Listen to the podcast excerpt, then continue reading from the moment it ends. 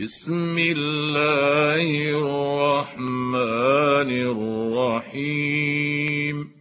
إذا زلزلت الأرض زلزالها وأخرجت الأرض أثقالها وقال الإنسان ما لها يومئذ تحدث أخبارها بأن ربك أوحى لها.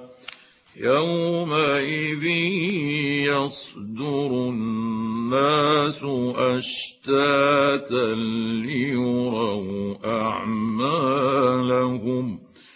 فمن يعمل مثقال ذرة خيرا يره ومن يعمل مثقال ذرة شرا يره